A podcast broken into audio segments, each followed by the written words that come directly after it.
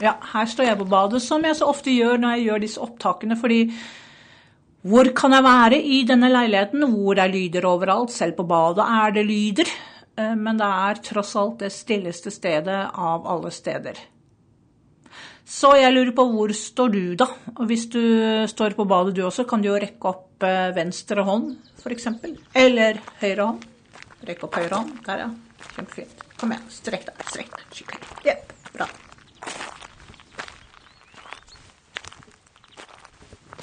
Jeg gikk under en bro. En togbro. Og så var jeg framme ved skolen. Jeg skal fortelle om fru J. J. J. Jeg tenker på fru J. Jeg husker henne stadig vekk. Fru J var en lærer jeg hadde på videregående skole. Hun var lærer i fransk og litteratur. Fru J var en som levde med i geberdene når hun framsa poesi.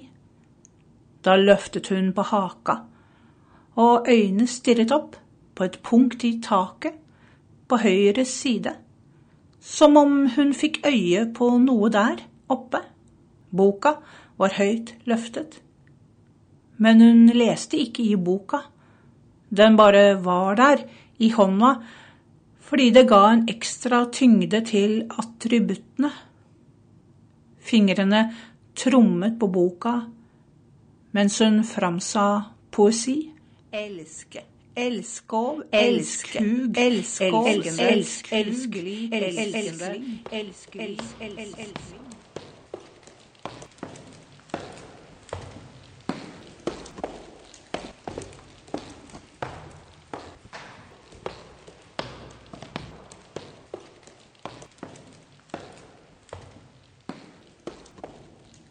På et eh, bortgjemt nes lå det en bortgjemt gård. Der bodde det en mann og kone, deres sønn og datter, en trell og en trellkvinne. Datteren var en dyktig og klok ung kvinne, sønnen var en tøysekopp og full av ugagnskråker, mannen, bonden, var en stille kar, mens kona sto for det meste på gården. Bonden hadde en jakthund ved navn Lere, og denne hunden fulgte alltid familien og stakk nesa si i både det ene og det andre.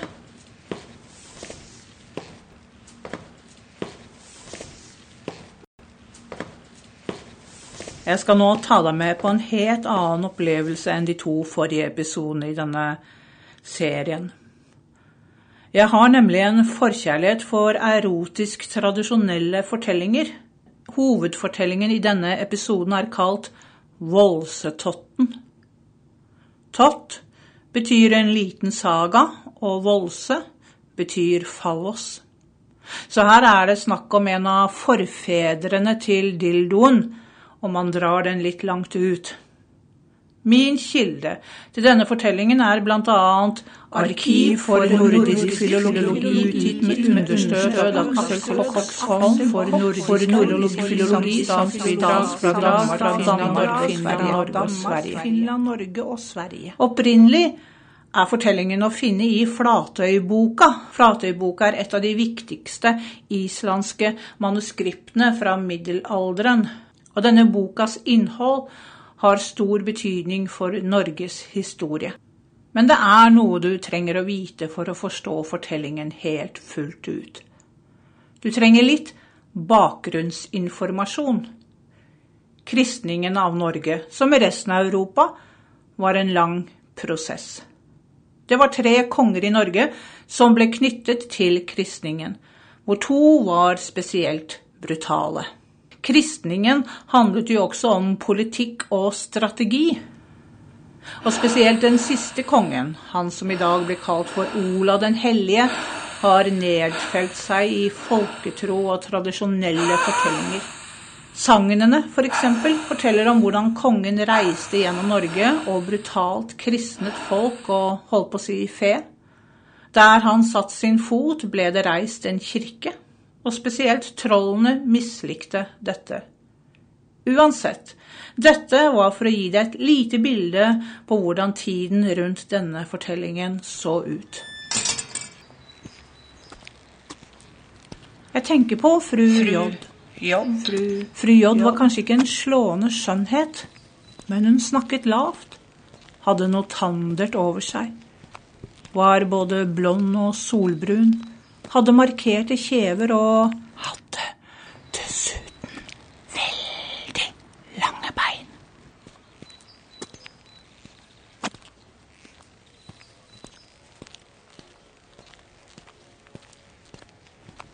På denne øde gården, vet du, ved havet, den gården den ble jo drevet som gård, som andre steder med dyr også lignende, men utpå høsten så døde arbeidshesten.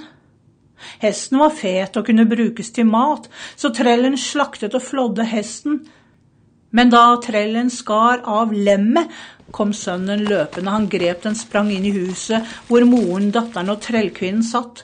Han svingte den rundt og sa, denne svære dingsen her skulle vel ha likt å ha mellom lårene dine, trellkvinne. Trellkvinnen lo, men søsteren fnøs og ba broren om å kvitte seg med den der avskyelige dingsen.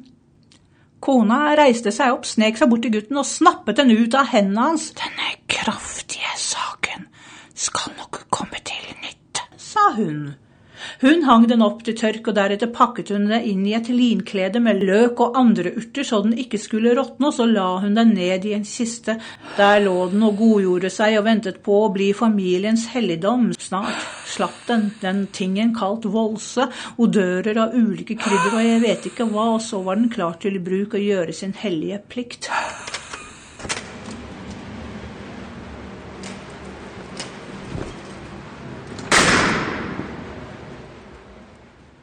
Så hvorfor har jeg denne interessen for erotikk i tradisjonelle fortellinger? Det er fordi det bl.a. peker på det kulturelle minnet som sensur. Det kulturelle minnet handler om overføring av tradisjon gjennom generasjoner, samt at det kulturelle minnet skal være av aktiv betydning for identiteten til en gruppe mennesker. Den amerikanske folkloristen Legmann var opptatt av det erotiske. Utgangspunktet til Legmann er en misnøye for folkloristenes neglisjering av temaet. Legmann skriver, og jeg siterer, Sex and its folklore are far more interesting, more valuable, and more important in every social and historical sense than for instance, the balladry of murder, cruelty, torture, treachery, babykilling and so forth. Han stiller spørsmål ved hvorfor sex skal behandles så annerledes enn andre temaer, som nevnt over.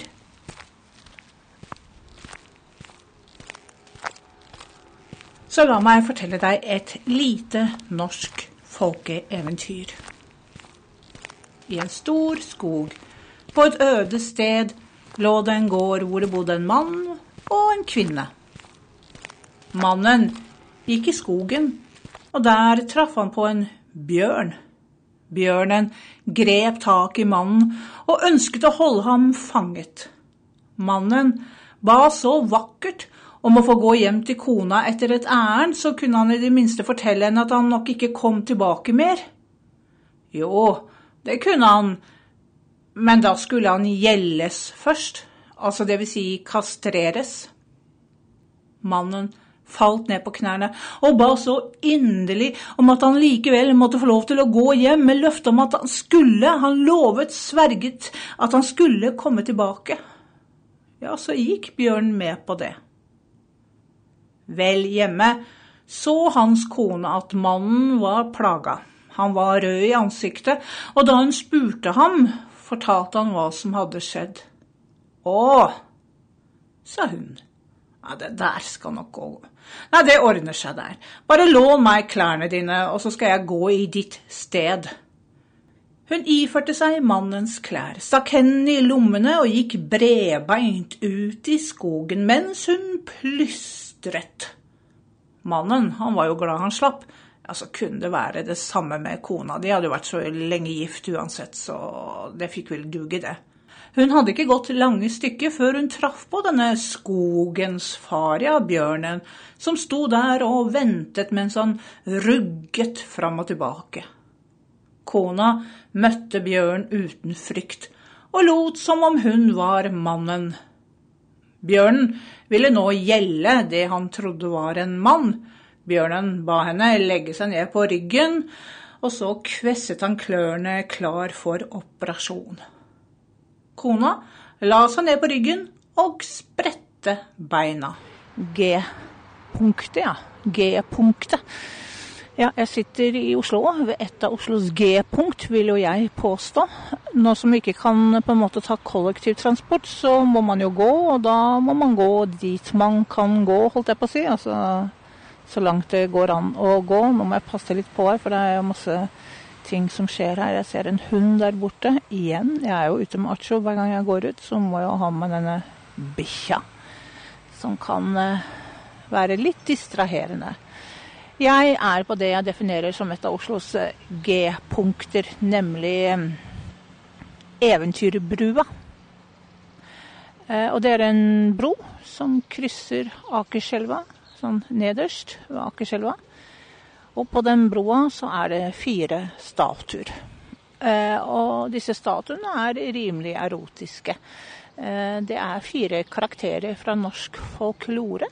De er helt nakne og unge i sin beste alder. Selvfølgelig, de ville jo ikke ha en gammel trollkjerring stående der. Det burde de jo ha hatt. Tenk, det hadde i hvert fall vært original, origina, originalt. Nå er det masse bikkjer her.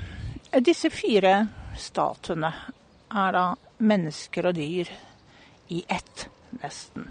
Altså det er unge mennesker som klatrer opp på et beist av et dyr, et stort dyr. Og den første, det er da en hest en fjording, vil jeg tro. Altså nøkken.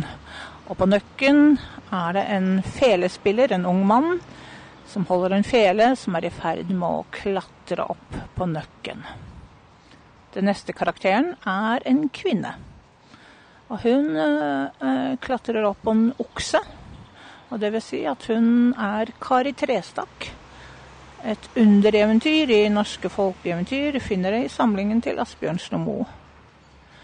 Den tredje statuen er Per Gynt, som ikke bare er å finne hos Ibsen, men også i norske sagn. Og han sitter på et reinsdyr. Og den siste karakteren, kanskje en av de mer kjente, i tillegg til Per Gynt, eh, i hvert fall dyret, det er nemlig Kvitebjørn Kang Kvitebjørn kong Valemon fra norske folkeeventyr, det også. Eh, og han eh, eller hun, eller han, det er bjørnen er en han, eh, bærer da denne kong, kongsdatteren på ryggen sin. Hun også naken med langt, flagrende hår.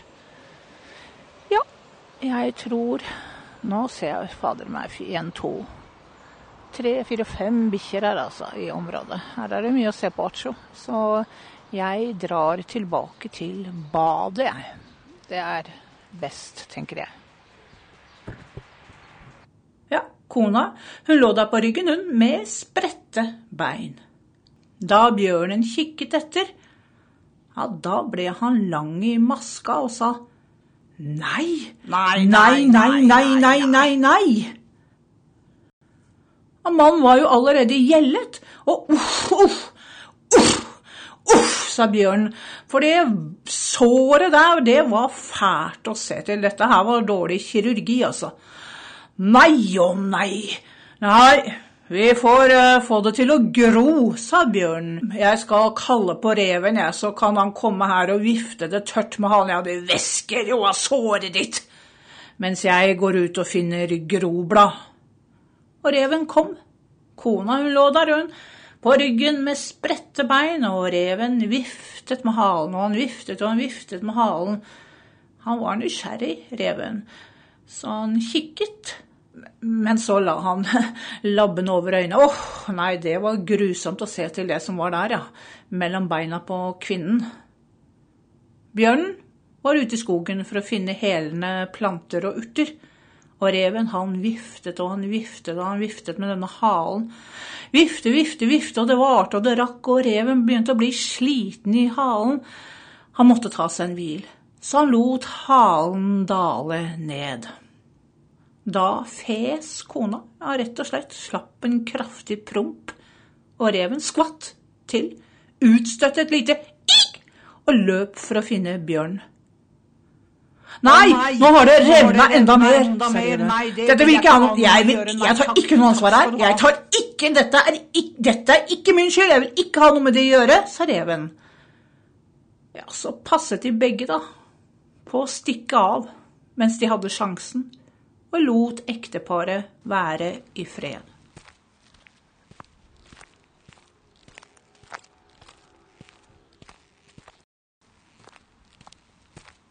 Fru, fru J. Fru. Jeg tenker på fru J. Hun kunne se deg inn i øynene på en måte som gjorde at hun var noe mer enn en lærer. Hun gikk alltid i sort eller hvitt eller beige, og hun elsket Frankrike. Derfor var det naturlig at fru J var vår arrangør og leder da vi skulle på skoletur til Paris i Frankrike. Selvfølgelig skulle ikke fru J dra alene. Hun hadde med seg to mannlige lærere, og ja, det ble et trekantdrama. Det var nok slik at begge disse to mannlige lærerne var med på denne turen fordi de likte fru Js kjølige skjønnhet og tandre nærvær. Vi elever kunne bare observere det som skjedde, men det skjedde med drama og baksnakking til oss elever og med bråk på skolen da vi kom hjem. Elskål, elskug, elskål, elsk, elskelig, elskende, elskling. Erotisk folkediktning er svært ofte representert gjennom humor, men Legmann mener at denne folkediktningen representerer både frykt og destruktive livsproblemer. Man ler for å la være å gråte. Det bærer med seg en protest mot det normerende autoritære. I innsamlingen av folkediktning har mye gått tapt innenfor dette temaet, påstår legmannen. Dette var et materiale som var umulig å få trygt, derfor brydde ikke innsamlerne seg om å bruke energi på å samle inn og skrive dette materialet ned. Og man må huske på at dette var jo i en tid da lydopptakeren ikke befant seg på mobilen, f.eks. Vi finner rester av det som ble samlet inn, men mye har nok blitt sensurert bort fordi noen i skyggen av det normative mente at dette ikke var et kulturelt minne man skulle identifisere seg med.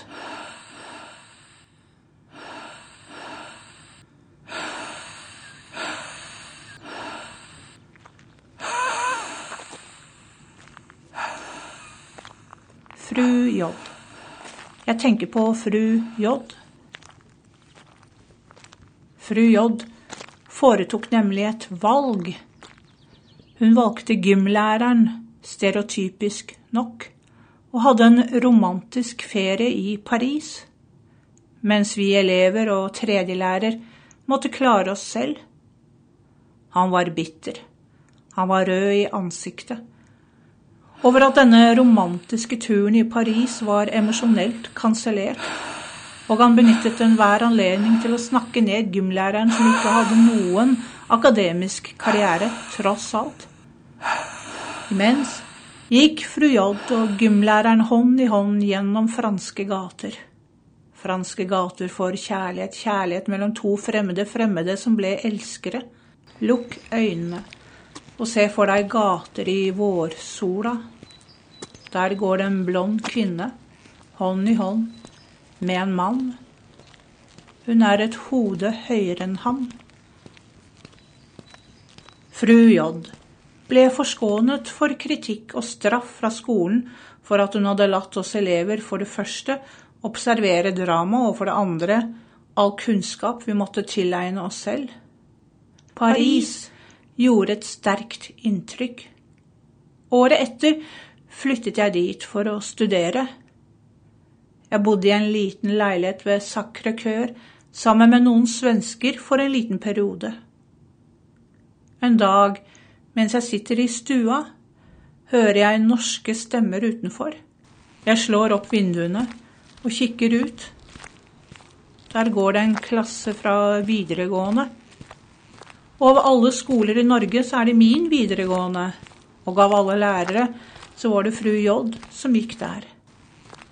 Og to mannlige lærere. Men ikke de samme som hadde vært med året før, da jeg var student. Hun var en dronning med to mannlige bier som serverte henne rikelig med nektar.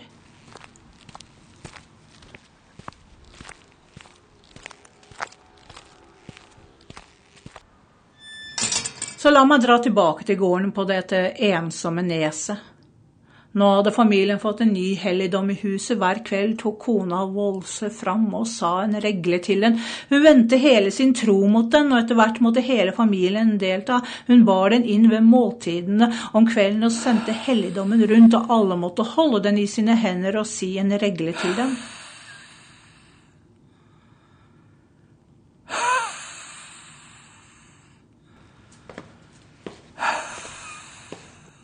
Tiden gikk og en kveld kom det en båt til stedet. Tre menn iført grå kapper gikk i land og kom til gården. De kalte seg for Grim, Grim, Grim. De kom til gården og gikk inn og satte seg i hallen. Datteren på gården kom bærende med et tent lys og hilste på mennene. Hun studerte mennene, spesielt den ene. Hun så på ham og sa ah, jeg ser gull, gulltråd på kappa, jeg vet nok hvem du er, du er. Den ene mannen hevet hånden for å stoppe henne i å si mer og sa så si ikke mer, du som er så klok. Inn kom bonden, ønsket gjestene velkommen og satte seg i høysetet. Sønnen satte seg ved siden av far, datter ved siden av sin bror. Det ble dekket til med mat, og trellene satte seg litt lenger ned. De spiste uten å si et ord. Det eneste som var å høre, var tygging og slurping, tygging og slurping. Trebordet var fint dekket til med mat i treboller og på trefat. Alle, bortsett fra bonden, satt på trebenker ved bordet og da maten var ferdig, ryddet kona og trellene av bordet. Så kom kona inn. Med armene løftet høyt i været i hendene bar hun sin kjære Volse. De besøkende gjorde store øyne da de så at det var ikke gudene Odin eller Thor hun tilba, men en penis. En penis som var brungrå og pyntet med tørkede blomster. Hun gikk opp til mannen sin og la den forsiktig i kjødet på sin mann og sa Gi ham styrke, Volse, så han duger i natt. Bonde be til Volse. Volse vil velgjerninger. Så hylte hun og veivet med armene i været som man skulle tro at hun gikk i transe. Bonden tok i Volse og sa, ta imot min ofring, Volse. Så ga han den til sønnen. Sønnen grep om Volse, svingte den i været og mot sin søster og sa, la Volse ligge hos brura, hun skal gjøre den våt i natt. Deretter ga han den til sin søster. Hun tok forsiktig i den og sa med skjelvende stemme mens hun slo øynene ned og rynket brynene, jeg følger skikken i dette huset, selv om jeg nødig vil. Og slik fortsatte det. Men både trell og trellkvinne, vel, trellkvinnen tok den meget ømt imot, luktet på den, stirret på den med oppsperrede øyne, klappet den og trykket den mot sitt bryst, og hun hvisket om jeg bare, om vi bare kunne dele leienatt, da skulle jeg ha drevet han i meg. Sukk og stønn, og så ristet hun på seg for å riste det av seg.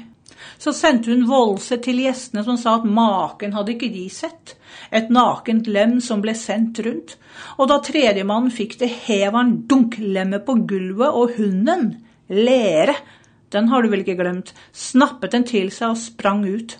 Kona skrek til da hun så helligdommen forsvinne ut døra i et hundegap.